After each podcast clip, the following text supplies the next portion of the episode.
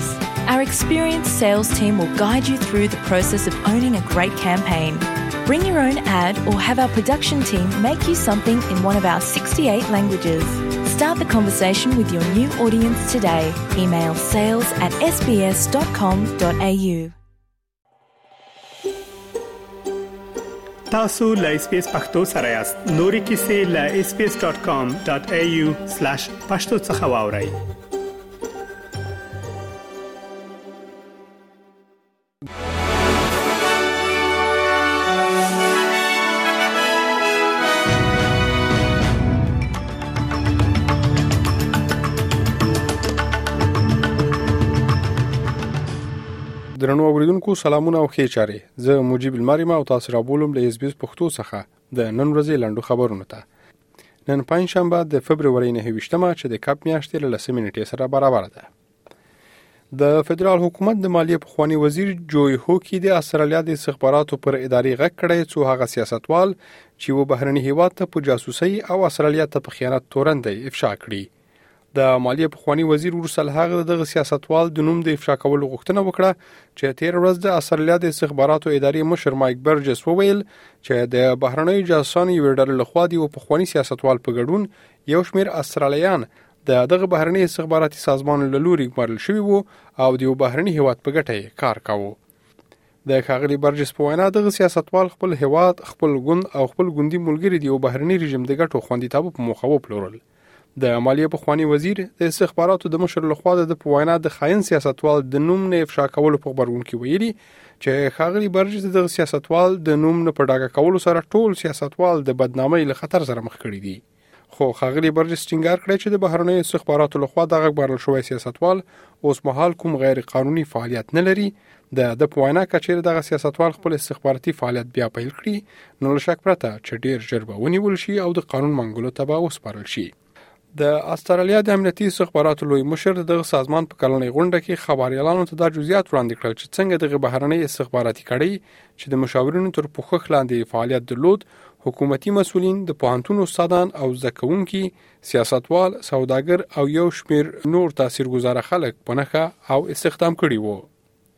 په سری بهیرې کې د یمن حوثي جنگیالیو لخوا د بریدونو له دوام سره جوخت د استرالیا حکومت په پام کې لري چې د غسیمې ته لا نور دفاعي ځواکونه واستوي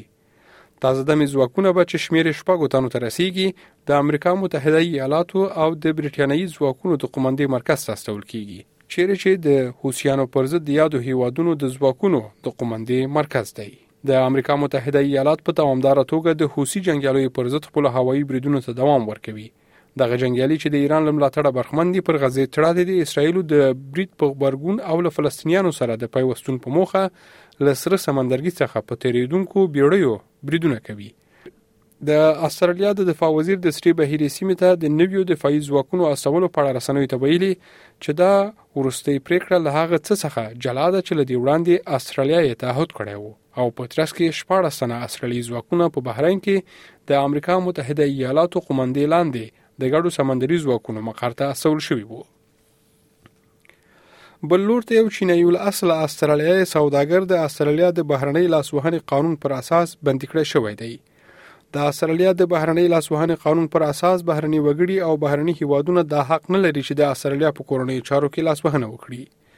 دغه چینایي الاصل اسرائیلی ډیسان نومیږي چې د وکټوریا ایالت اوسیدونکی دی او لومړنی اسرائیلی دی چې د یاد قانون پر اساس محاکمه کیږي ډیسان د محکمې له لوري پر دې محکوم شوی چې د چین د کمونیست ګوند په استازیتوب د فدرال حکومت ګڼ کلتوریزو چارو له پخوانی وزیر سره اړیکې ټینګې کړې وي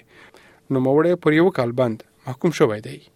او وروستی خبر دا چې د ملګرو ملتونو د بشري حقوقو کمیسیون له طالبانو غوښتي چې سمدستي د اعدام سزا ودروي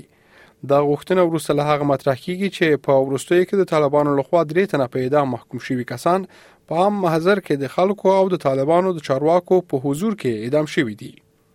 د ملګرو ملتونو د بشري حقوقو ادارې ویاند جرمی لارنس له لوري په یو خبره شوی بیان کې ویل شوی چې په عام محضر کې د محکومو خلکو مجازات بګنون کې دي